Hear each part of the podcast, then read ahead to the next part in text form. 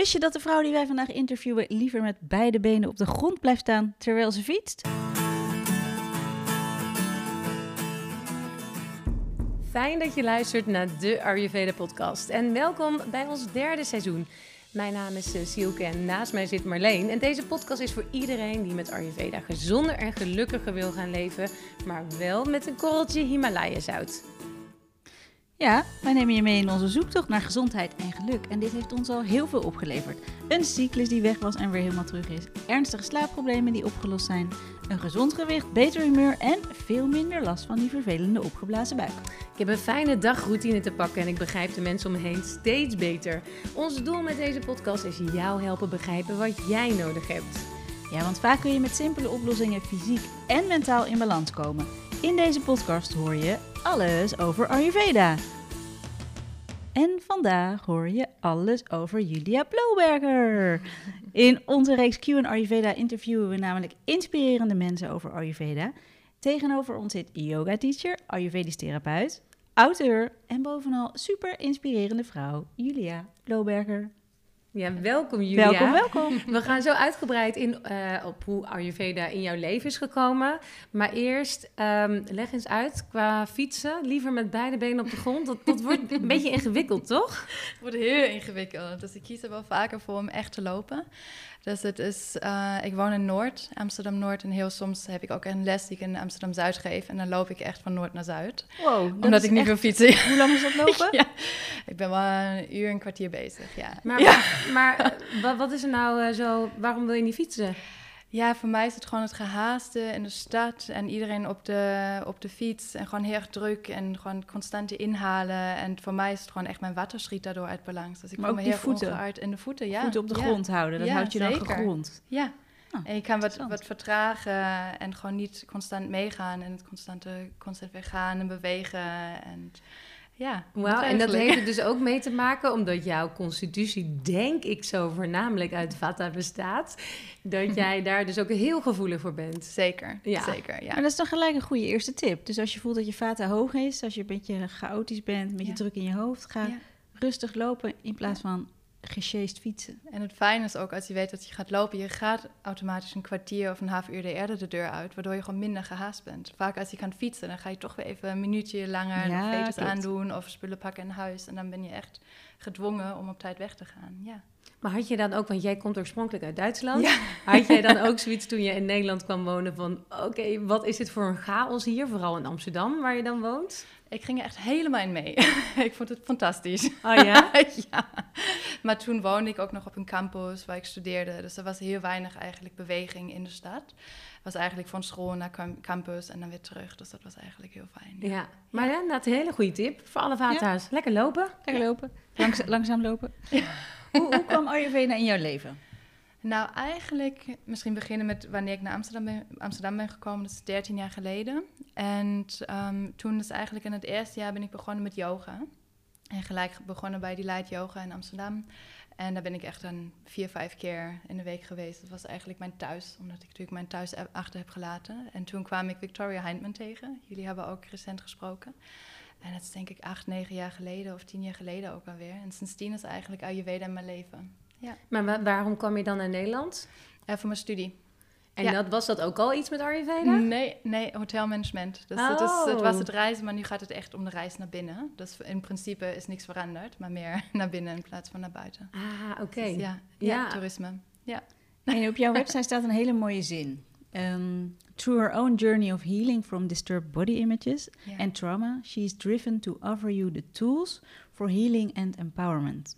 ja. Heeft dit ook iets te maken met hoe Ayurveda in jouw leven is gekomen? Kun je dit misschien uitleggen? Ehm, ik denk het was een he- hele mooie ondersteuning. Ehm, ja, het is vooral gewoon als je niet verbonden bent met jezelf, dan ben je natuurlijk constant eigenlijk afleiding aan het zoeken. En eigenlijk ook vluchten om naar bepaalde emoties toe te gaan.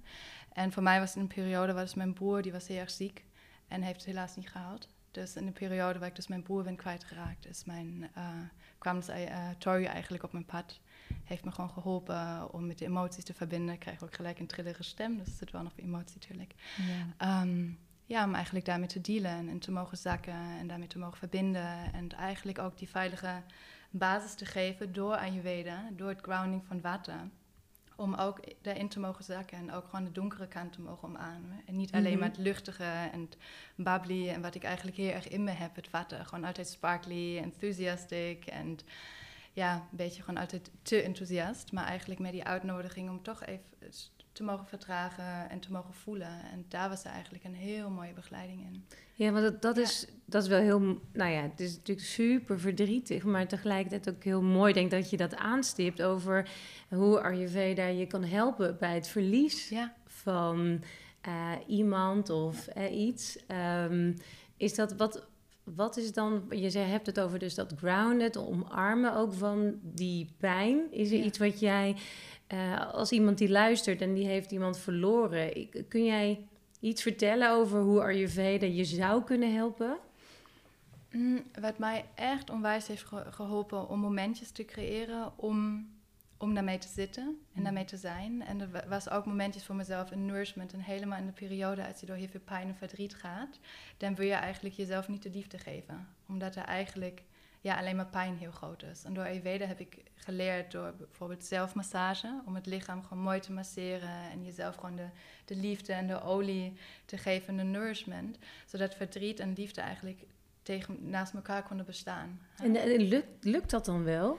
Ja, Het lijkt me Ja. zo moeilijk inderdaad, Ja. als je zo wordt overgenomen door verdriet, Ja. om dan ook gewoon lief te zijn voor jezelf of zo. ja, maar ook, het is ook even ja tegen die, die verdriet en tegen de donkere kant mogen ze- zeggen. Precies, alleen Ja, het feit dat je dat leert, hè? Ja, ja. Heel bijzonder. Ik denk En dat, dat- we dat... Nee, sorry dat ik je onderbreek. Nee, nee, nee. Ik denk dat we dat helemaal niet gewend zijn om... Om het, me- het doel is vaak zo snel mogelijk Ja. er doorheen gaan, weet je wel? Dat, dat, dat kreeg ik tenminste heel erg mee toen mijn vader was overleden. Van, ja, oké, je hebt een soort periode van rouw en dan is het klaar of zo. En, en het is zo moeilijk om daar echt mee te gaan zitten. Dat leer, ja, dat leer je niet echt. En ik herken dat heel erg wat je zegt in Ayurveda, hoe dat, hoe dat dan werkt. En dat je dus eigenlijk dat moet omarmen. En dat, Ja. als je dat betrekt op de rest van het leven, is het dus ook met dingen die slecht zijn. In plaats van dan te gaan feesten en te gaan eh, hard te gaan sporten, te gaan Ja. kopen, ga ermee zitten. Ja. Maar dat is heel moeilijk en dat zijn we niet gewend. Maar mooi dat Ayurveda jou dat eigenlijk gelijk al, al gaf. Ja, en ook vooral dan met dieet en lifestyle, dat je ook echt gewoon nourishing en water balancing eet. Dus juist niet crackers en allemaal luchtige dingen. Ik was periode ook alleen maar opgeblazen en bloated. En altijd winderig. Ja, Tot ik besefte ineens, oh, dat raw vegan is helemaal niet goed.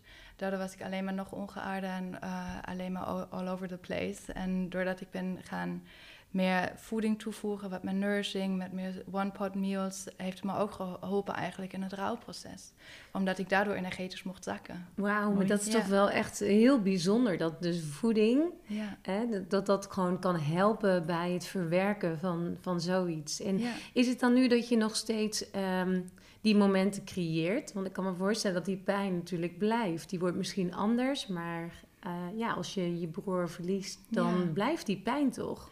Ja, maar ik denk ook wat we door Ayurveda leren is natuurlijk dat er zo meer is dan alleen het fysieke lichaam. En dat we ook nog verbinding kunnen maken met iets anders. En voor mij is die er nog steeds. Mhm. Yes, hij is er nog steeds. Mis- misschien niet in fysieke vorm, maar energetisch ben ik altijd met hem verbonden. Dus, Wauw. ja. mooi. Wat Ja. mooi. En, en dat is ook wat jij dus schrijft op je website. Dus dat je door eh, eigen trauma, dat Ja. jij, hoe helpt, hoe kun jij daarbij anderen helpen doordat jij dit hebt meegemaakt?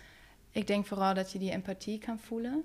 En dat je je kan verbinden en dat je het ook kan dragen. Vooral het gaat, voor mij gaat het meer om, als ik sessies geef, echt om holding space. Kan je misschien uitleggen voor de luisteraars wat, wat holding space is?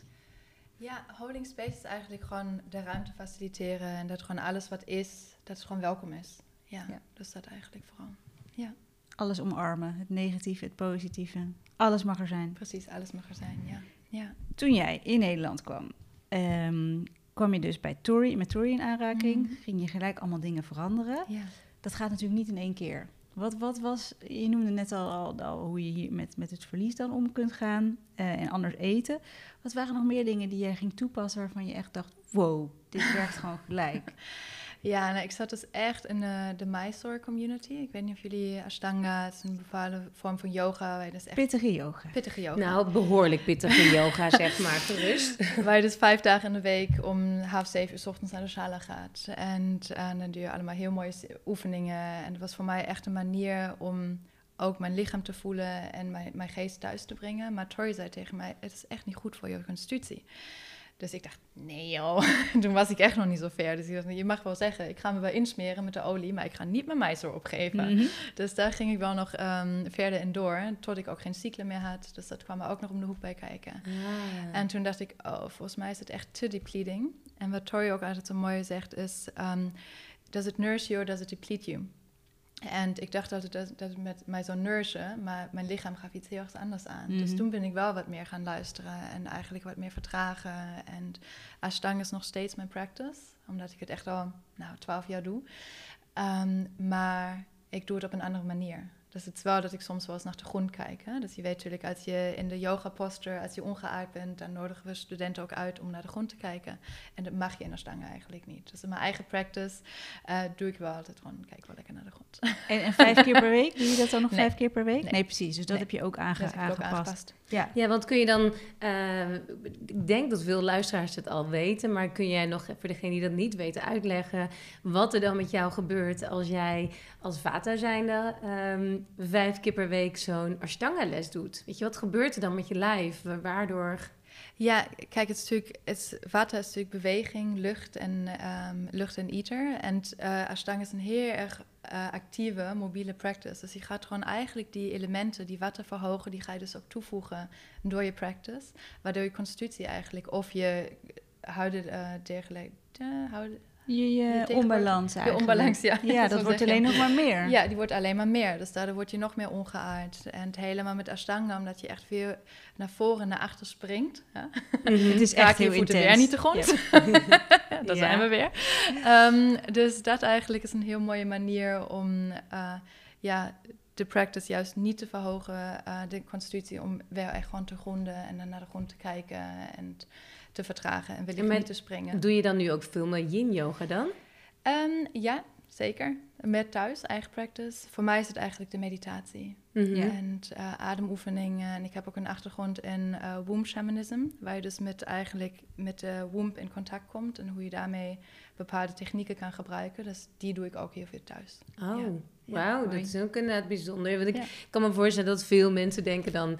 Ja, ik weet je, ik doe iedere dag aan yoga of iedere dag aan eh, eh, flinke, ja. pittige klasjes. Want ik ben zo goed bezig met mijn lijf. Maar Ja. wat jij dus ook al heel her- erg hebt ervaren, dan, eh, dan kom je dus ook niet bij bepaalde pijn of bij bepaalde ehm, ja. ja, stukken die je dan gewoon niet kunt aanraken, omdat je er ook ja, bijna overheen ehm Dendert. dendert of zo. Ja, ja, ja. Ja, dat is denk ik inderdaad heel goed om te beseffen dat je niet per se gezond bezig hoeft te zijn als jij iedere dag eh, heel eh, flinke yogalesjes Hetzelfde, volgt. hetzelfde als de salades, toch? Die mensen allemaal massaal dan e- Ja. eten en denken... ik ben super gezond, maar ik heb altijd Ja. zo'n opgeblazen buik en buikpijn. Ja, Ja, inderdaad. Misschien nog een kleine tip, wat ook heel vaak, ehm, juist als je een actievere vorm van yoga doet, wat vaak over het hoofd wordt gezien, zijn echt, echt de voeten. Het gaat vaak om de bandhas, de energy locks. Dus dan zeggen ze, engage your root lock en your, your upward flying lock. Maar vaak eh, benoemen ze echt niet de, de voeten. En die zijn, daar begint het eigenlijk. Want helemaal als je de standing sequence doet, gaat het er echt om, om stevig je voeten in de grond te groeien. Het, eh, te, te Mhm. duwen, alsof er gewoon wortels uit je, je, je hielen schieten in de grond. En dat Ja. je eigenlijk daarmee echt gaat co- connecten en vanuit daar de asana opbouwen. En als je zo je practice benadert, ga je ook zien dat er ook een shift gebeurt. Of visualiseer dat je echt door heel warm, sticky karameel aan het, aan het vloeien bent. Iets wat je weerstand geeft. En ook in de Mm. warmte. En daar ben je ook gelijk, ga je heel anders met je spieren werken. Dan als je alleen maar door lucht beweegt. ja, dus dat is ook een mooie manier om de doorslag te balanceren. ja, Ja. goeie. Goeie Ja. tip. Ja, ja, ja. Ja. Ehm, jij bent dus heel erg vata. Heb je ook nog... Je hebt natuurlijk alle, alle dosha's in je. Wat, Ja. wat is de rest van jou? eh, wat zit er nog meer in? Ook wel pitta, toch? Eh, Pitta, ja. Ja, 20% pitta of zo. En een beetje kaffa. Een klein, Klein beetje. beetje. Ja, een heel klein beetje, maar niet heel veel. Heel veel vata dus. Heel veel water, Heel ja. veel Het is vata. echt 75 water, 20 pita en 5 kava. Ja. Wauw. Ja. En hoe uitzicht dat eh, als jij helemaal in balans bent? Wat, wat zijn dan... Wat is Ja. dan jouw... eh, nou ja, wat zijn jouw kwaliteiten dan? Ehm, ja, ik denk wel echt gewoon heel erg creatief. Constant dingen willen creëren. ehm, heel, ja, gewoon all over the place, maar wel met, met aandacht. Mhm. Ja. Kan je in Nederland zeggen, all over the place. Nou, Overal en nergens, maar wel met aandacht. Ja, eh, hoe noemt dat? Een beetje... ehm eh, Fladderend? Ja, fladderend, ja. Ja? Ja, ja. dat wel, ja. Oh, blijven zitten, blijven zitten jullie. zitten, ja, ja, ja. Voeten zijn op de grond. Ehm, ja, en ook wel, ik denk inspirerend. Ja, dat ook wel. Dat Ja. krijgen we vaker terug, ja. Ja, maar dat is natuurlijk echt wel de kwaliteiten van Vata, denk Ja. ik. Dat het echt... eh, En, en als je dan kijkt naar de, de minder eh, fijne kanten, hoe Ja. uiten zich die de negatieve kanten bij jou? Ben je nog wel eens uit balans? Jazeker. Nee, Zeker. nooit meer. Ja. Ik stel die vraag een beetje grappig, want het, wordt- als je aan Ayurveda veel doet, dan is dat, denken mensen, Ja. ik ben helemaal in balans nu, maar Ja. dat is gewoon niet zo. Nee, echt niet. Dus daarom zei ik het een beetje grappig. Dus nee, oké, jij bent Maar ook wel eens uit balans. Ayurveda heb je een andere manier om daar naar te kijken. Je kan er gewoon om lachen. Zo, oh, komt die weer. Totaal. Ja, dus het is Ja. meer met, je gaat echt met je werken in plaats van tegen jezelf in. Dus het is niet meer die, die inner critic met, oh je bent niet goed genoeg, of je doet dat weer niet eh, op de juiste manier of snel genoeg. Dus kan je gewoon zeggen, aha, Peter is rising, Ja. let's sit, have a cup of tea. In plaats, koffie. Van, in plaats van koffie. Ik vind het nog steeds heel moeilijk. Maar goed, jouw Ja. negatieve kanten? Ja, dus het is wel dan dat ik heel veel dingen wil doen, maar dan heb ik een beetje die eh, alles of niks. Dus eh, als ik gewoon niet de vo- voldoende vuur heb om dingen door te zetten, dan pak ik het helemaal niet op. Ja, dat is natuurlijk echt het, gewoon het niet afmaken van Ja. iets. Dat ja, is echt daar ben ik wel, heel goed in, en dingen niet afmaken. Constant Ja. beginnen, beginnen, beginnen Ja. en dan, ja. Ja. Ja. Maar De laatste toch, 20 procent, hè? Ja, nou, er is best wel wat afgemaakt toch is er hoor. best wat afgemaakt, zag Ja. ik al. Twee boeken. Ja, inderdaad, ja. Dat is eh, Good Night and Good Shit. Ja. Samen met Roos Neter heb je die eh, gemaakt. Ja. Ja, ja en, en er is een, zelfs een derde boek is on the way. Ja. Ja. we zijn nu bezig met Good Flow. Dat is echt een good, eh, feel-good series. Want we hebben ook die boeken verkocht aan de VS. En daar noemen we het de feel-good series. Dus het is Good Shit, Good Night en Good Flow. Wat alles over je menstruatie is, over de vrouwelijke cyclen. En dat ligt mij heel erg eh, ja, aan mijn hart. Hoe zeg je dat? Ja, ja, ja. Ehm, omdat ik natuurlijk ook een tijdje geen cyclus heb gehad. En ehm, dat heb ik nog niet benoemd volgens mij. Maar ik heb een periode ook last van, een, eh, van bulimie, bulimie gehad. Maar dat was dus gelinkt aan, ehm, aan mijn anticonceptie. Oh, dan. Dat is echt heel raar hoe dat liep. Dus Je hebt bulimia gehad en Ja. dat is gelinkt, Gelinkt aan aan de jou. Wat, anticonceptie. dat, wat, wat gebruikte je dan? ehm, hormoonspiraal. Ja, Oké. en die werd dus verwijderd. En van één dag op de andere stopte de bulimia. Maar heel even, bulimia is dus dat je, je eet wel, maar je geeft ook over. Nee, ik kan niet overgeven. Oh, je kan niet overgeven. Ja, dus ehm, voor mij was dan heel veel sporten of gewoon de dag daarna heel weinig eten. Het was echt wel, bulimia betekent dat het een compensatiegedrag heeft.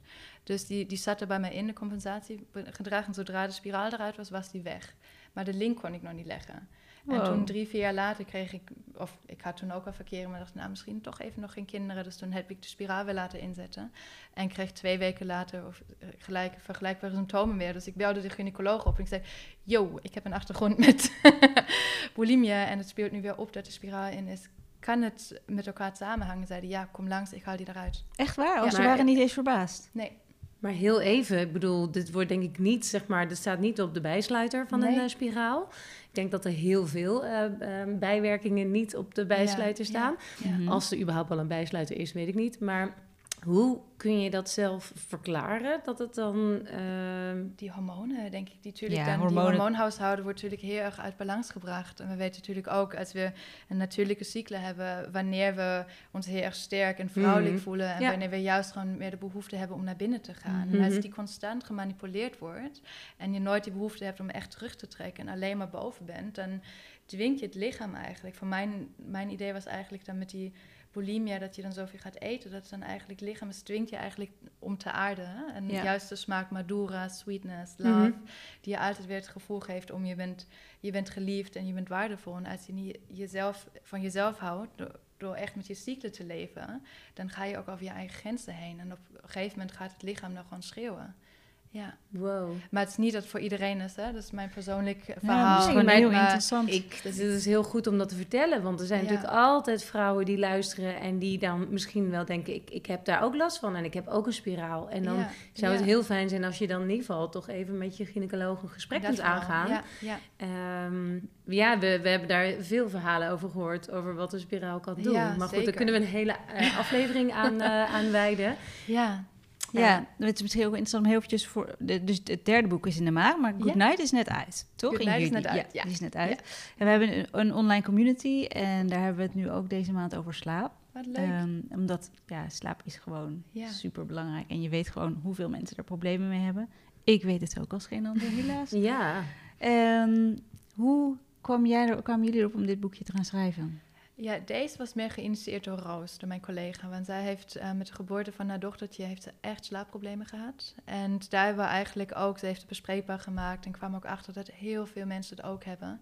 En dat ze zei, oké, het volgende boek wordt echt Good Night. Dus het wordt echt Ja. een slaapboekje met heel veel trucs, holistische manier, holistische kijk. eh, hoe je echt je slaap kan verbeteren. En dat was eigenlijk de motivatie. Dus daar was zij meer de, de initiator. En voor mij is het meer de good flow, waar ik echt gewoon mijn, mijn pad eigenlijk in kwijt kan. Ja. Beginnen we even bij slaap. Wat, zijn, wat zou jij nu mensen aanraden die heel slecht slapen? Oh ja. ehm, eh, kijk, eigenlijk je, je slaaproutine be- begint al de, in de ochtend eigenlijk. Ja. Hoe begin je je dag? Maar ik zou vooral zeggen, geen schermtijd. Ja, dat is echt, ja. En ook probeer geen, sowieso je, je slaapkamer echt ehm, digital free zone te maken. Dus dat er eigenlijk echt geen digitale dingen zijn, net zoals een tv of een telefoon. Die kan je ook buiten je, je kamer natuurlijk opladen. Maar we zijn zo gewend om constant bereikbaar en beschikbaar te zijn. Dat Ja, het overal ja. mee naartoe nemen. Ehm, en ook geen, niet te pittig eten, niet te laat eten.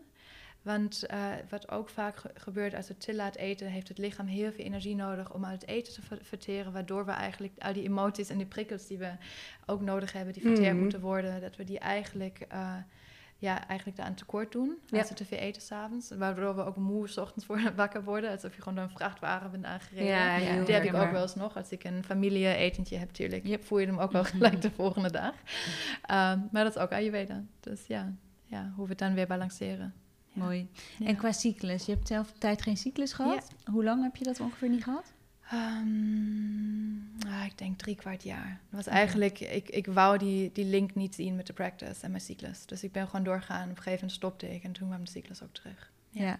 En dat is dus ook iets wat dan in Good Flow... ehm, Ja. Nou, tips die daar in ieder geval... Want al- als jij nu zou zeggen, ik heb drie tips voor eh, vrouwen die bijvoorbeeld geen cyclus Geen hebben. regelmatige Geen cyclus. re- of geen regelmatige cyclus hebben. Wat, wat zou daar eh, jouw tip voor zijn? Sowieso castorolie, de wonderolie. Mhm. En die Ehm, neem je dan in? Nee, die masseer je op je buik. Dus het is eigenlijk, het is, het is super sticky. Dus Ja, is echt Ja. hele dikke olie. Ja, klopt. Ja. echt, ja. Het is niet lekker te masseren. Nee, eigenlijk. nee, eigenlijk niet. Maar het idee is dat je dus je buik in, in masseert clockwise. Het is ook echt, eh, het is onwijs grounding. Dus je wordt er heel moe van.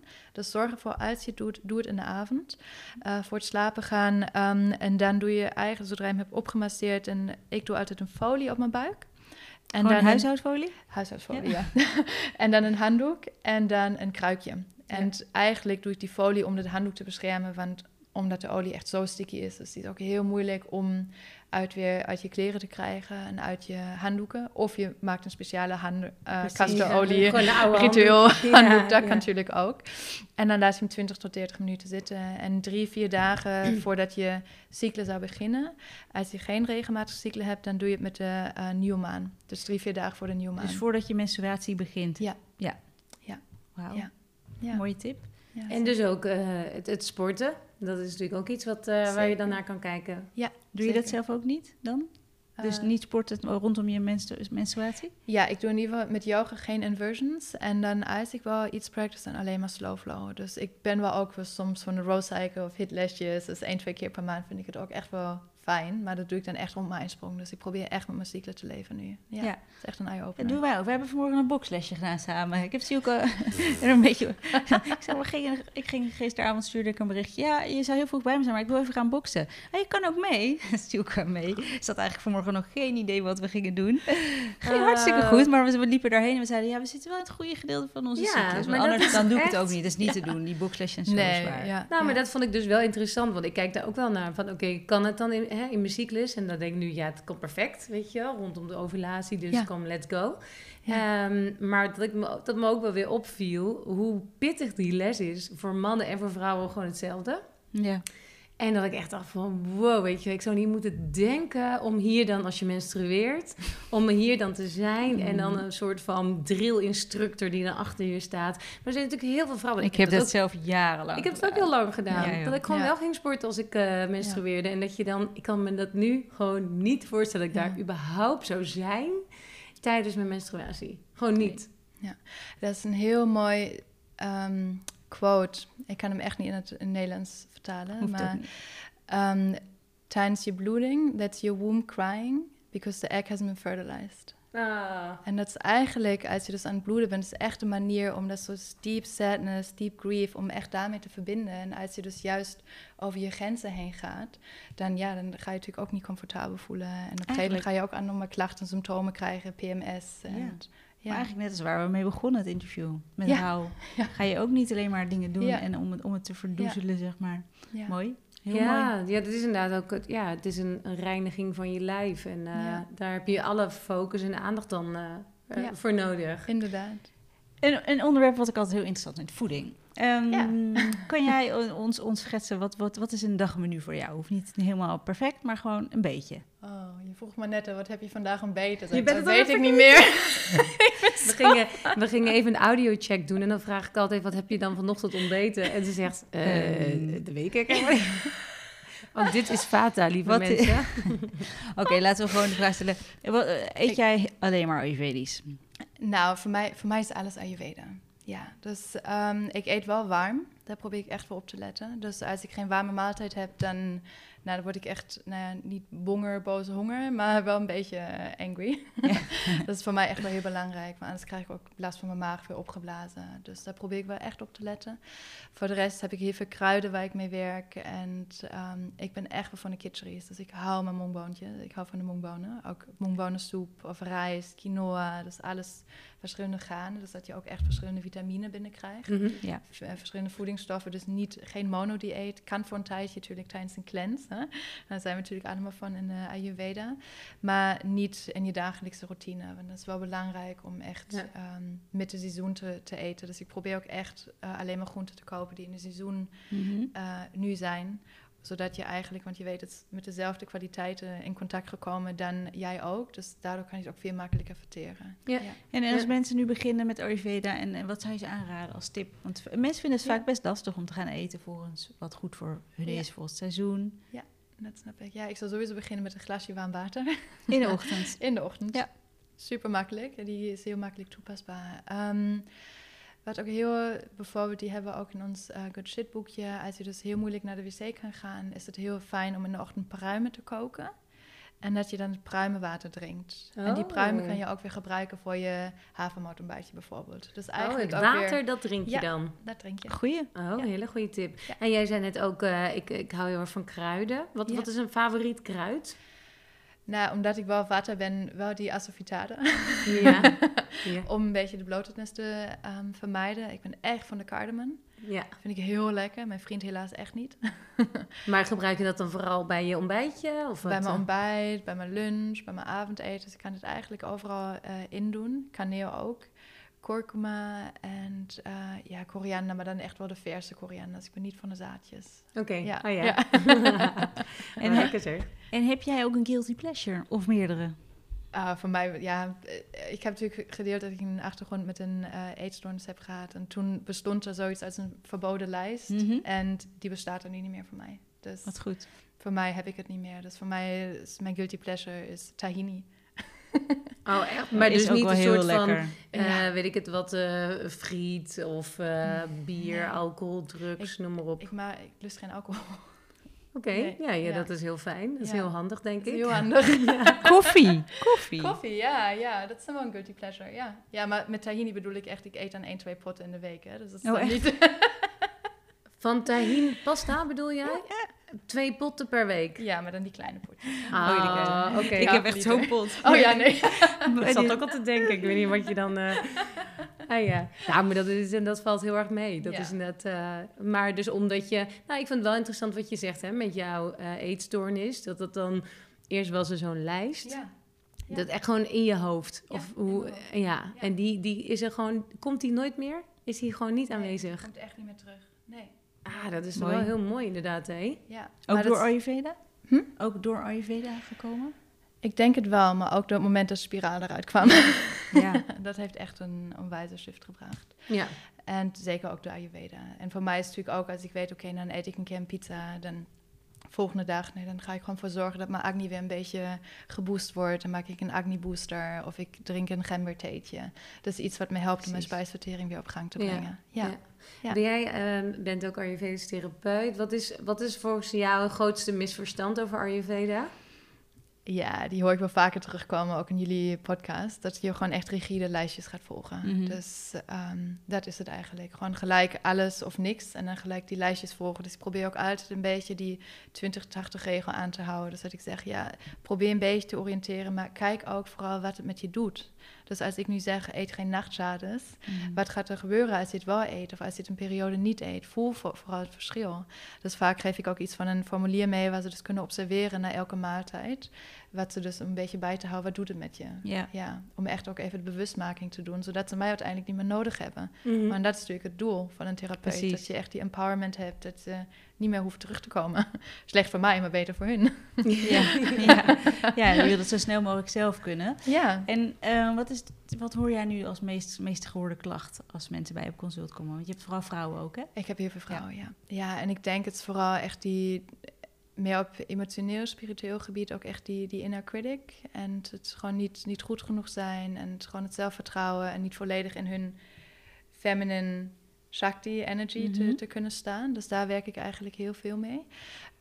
Tuurlijk door voeding en leefstijl, maar ik doe ook heel veel vanuit die womb shamanism. Dus daar geef ik ook vaak practices mee. Dus het is niet alleen maar vaak een Ayurvedisch consult, vaak komen ook pranayama's, breathwork en dit soort dingen mee. Ehm, wat holistischere aanpak eigenlijk, ja. En die, kan je een, een, iets meegeven aan de luisteraar wat ze thuis kunnen doen met die womb, hoe noem je het? Die.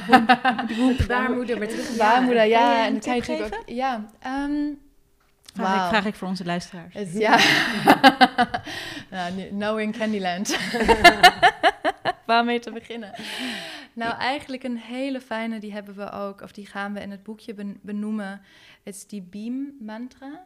Ik weet niet of jullie die wel eens hebben gehoord. Nee. Dus Beam is, ehm, met mantra werk je natuurlijk met, met sound. En Beam is dus eh, een bija sound. En die gaat direct naar de ovaries, naar de eierstokken. Oh, wow. Dus ook als je een onregelmatige cyclus hebt, helpt die ook. Dus echt, ik heb heel veel klanten die, nadat ze die een paar dagen hebben gedaan, begint het gewoon weer te, te stromen. Dus wat je doet, je doet je handen in Tattva Mudra. Je legt je middenvinger op je duim en je ringvinger op je duim. En dan je indexvinger en je kleine vinger, vinger kijk omhoog. Het is eigenlijk een deer head. Ja, precies. Je maakt een soort hertje, maak je van, eh, ja, van je Precies. hand. Oké. Van allebei de handen. Ja. Deze leg je op je eierstokken. En dan ga je eigenlijk in hero pose zitten. Dus je gaat met je sitting bones op je hielen. Ja, en dan schouders naar achter. Dan sluit je ogen. En dan ga je dus de mantra beam repeaten. Beam, beam, beam, En deze verbindt echt met de, met de eierstokken. En je gaat echt voelen dat het dingen in beweging gaat brengen. Wauw. En dan zet je dus je timer op drie tot vijf minuten. Ja. En na vijf minuten ga je echt even rustig zitten, observeren en voelen en verbinden. Ja, Wauw. En alleen maar, wat- betekent beam? ja beam is de, de sound. Het zijn Ja. echt bija, dat zijn bija mantra's. Je hebt Ja. er één voor de longen, je hebt er één voor de liver, voor je, voor je hart, voor, voor, Wow. voor elk orgaan heb je eigenlijk een, een sound. En beam, B-H-E-E-M, Mhm. is dus de sound voor de ovaries. Maar wat het precies betekent, weet ik niet. Nee, Sanskriet. precies. Maar dat is natuurlijk wel, ja, dat je dus een bepaalde Mooi. toonhoogte of een bepaalde klank Ja. die je dan eh, gebruikt Ja. en dan gewoon dat Ja. eh, herhalen, vijf minuten lang en daarna laat je het even. Ja. Nou ja, dan, dan voel je hoe het resoneert, denk ik, in je. Ja, het kan ook gebeuren dat er echt heel veel, want het gaat natuurlijk ook je innerlijke waters in beweging brengen. Dus dat er ook gewoon de subtiele waters, gewoon tranen naar boven gaan komen. Je gaat natuurlijk echt heel diep verbinden. En ook juist bij een center waar we vaak eh, niet echt hebben geleerd om verbinding mee te maken. Dus je gaat Het zit natuurlijk natuurlijk heel diep. Het is Ja, natuurlijk echt zeker. gewoon. eh, ja, het is jouw essentie. Precies. Ja. dat- Mooi. ja. Ja. We schrijven hem ook even in de show notes. Ja, eh, heel fijn. Hoe die moet. Ja. Deze heb ik ook van Tori geleerd. Dus zij is echt over al die mantra's en ze werkt heel veel met al die bija mantra's. Dus Heb je nog een ander mantra wat, wat, wat jouw eigen favoriet is? Ehm, oh, zomaar. Ja, Ganesha. Ja, Ja. Ja.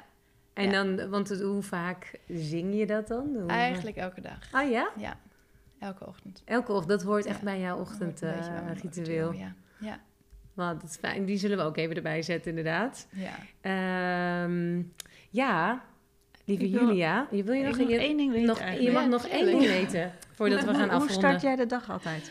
Hoe start ik mijn dag? Ehm, ja, ik sta op. Ik ga echt wel gelijk naar de wc. Sta jij, hoe laat sta je op? Ehm, wanneer ik wakker ben, zes, half zeven, zeven. Dus ja, ik heb vroeger heel veel ochtendlessen gegeven. Die zijn inmiddels allemaal uit. Dus nu heb ik echt tijd voor mijn ochtendroutine. Ja, dus ik denk rond half zeven, zes, half zeven sta ik op. Ga naar de wc, ehm schraap mijn tong. Drink een glasje eh, warm water. En dan ga ik zitten, eh, mediteren. Elke vorm van meditatie. Ik ga vaak kijken wat op dit moment nodig is heb veel vipassana's gedaan, maar ehm, dus even kijken ook waar ik in mijn cyclus zit. Dus daar ga ik ook een beetje mee eigenlijk. Ehm, dan eh, mantras, en die ook weer afhankelijk van waar ik in mijn cyclus zit. Ehm, en dan soms journaling. Soms. En dan eh, meestal ga ik dan wandelen. Dus ik ben echt van de, van de ochtendrondjes. Ja, lekker. lekker. Vier, vijf fietsen, kilometer. Niet Nee, fietsen, niet lieve fietsen. mensen, Nee. want dat vinden ze niet fijn. Wat heerlijk. En dan, Ja. gewoon, dan wandel je de, zonder, met zonder podcast? Of met, Met eh, zonder podcast. met zonder podcast, met... eh, Ik, ik hou van de stilte. Ja. Dus ik heb tijdens je echt altijd podcast geluisterd. Maar voor mij is echt de ochtend mijn moment om even ook de to set the tone for the day. mhm. En om even te verbinden en creatie op te doen. En daar is eigenlijk het moment waar heel veel ingevingen komen. Die, waar ik Ja. dan ook weer gewoon, weet ik wat, voor artikelen, voor blogs, wat ik dan aan het schrijven ben. En dat is eigenlijk het moment om daarmee Ja. te verbinden. Ja. Herkenbaar. ja, Die ochtend is heel sterk daarin, hè? ja, Die ja, energie. fijn. Ja. Ja. Mooi. Nou, ik heb een heleboel goede tips gehoord weer Ja. eh, van jou. Heel inspirerend. En voor onze extra Ayurveda podcast, waar mensen die lid zijn van onze community, die kunnen terugluisteren, gaan wij het nog hebben over cycle syncing. Cycle Kan je heel kort even vertellen waar, waar, waar we het dan gaan over gaan hebben? Ja, het gaat echt om, om het leven met de seizoenen van je, van je cyclen. We weten natuurlijk dat we eigenlijk die vier seizoenen om ons heen hebben. Dus de, de lente, de, de zomer, de herfst en de winter. En eigenlijk hebben we dezelfde seizoenen ook, seizoenen ook in ons systeem. Dus helemaal als we eh, met de cyclen leven. Dus eh, de winter is eigenlijk de dag waar je gaat bloeden. Begint je innerlijke winter. Dan eh, richting de ijsprong ga je dus naar de lente. Dan naar de zomer is je, je ijsprong. En dan dus vanaf de ijsprong ga je dus rustig weer Ja, de herfst in. de herfst in en dan terug naar de winter. Ja, Als geen fertilization heeft zo interessant. En ik denk dat daar, eh, nou ja, dat iedere vrouw daar meer over zou moeten weten. Het is denk ik, het kan je zo helpen Ja, bij Ja. zoveel dingen in alles, in je werk, in je voeding, in je lijf. Eh, dus daar gaan we het over hebben in de Extra Ayurveda podcast. Dankjewel dat je er was. Dankjewel. Ja. Heel fijn om hier te zijn. Dank jullie wel. Dankjewel. En wij hebben nog even een review Oh, die ja, we heb gaan ik. Voor, Ja, ja. voorlezen. Dat beloven we altijd. Er zijn heel veel mensen die onwijs leuke reviews achterlaten. Ja. En dan krijgen ze van ons een cadeautje. Ik heb nu van eh, maart 87. Die zegt, wat een fijne podcast. Ongelooflijk veel informatie uit over Ayurveda met veel tips om uit te proberen. Gelukkig raden Marlene Silky aan om één of twee dingen te proberen. En pas als het, eh, als het beklijft een volgende tip uit te proberen. En dat werkt. Eh, kleine tips kunnen uiteindelijk leiden tot grote veranderingen. En de humor tussendoor is heerlijk en maakt het lekker luchtig. Lekker luchtig. Zal ik nog We even... hebben wel iets minder lucht tegenwoordig in ons buik.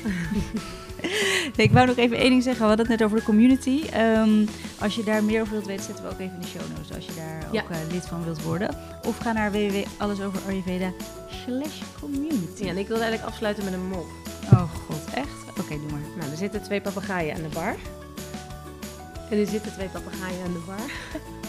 Dit gaat heel lang door, hè? Julia, dankjewel dat jij hier was. We zijn er volgende week weer met een nieuwe aflevering en een nieuwe mop. Tuurlijk.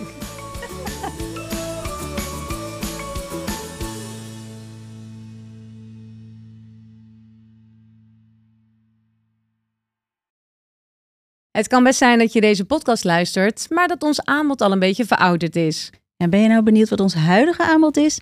Zoals bijvoorbeeld onze cursus Start met Ayurveda, de detox, de masterclass of onze retreat?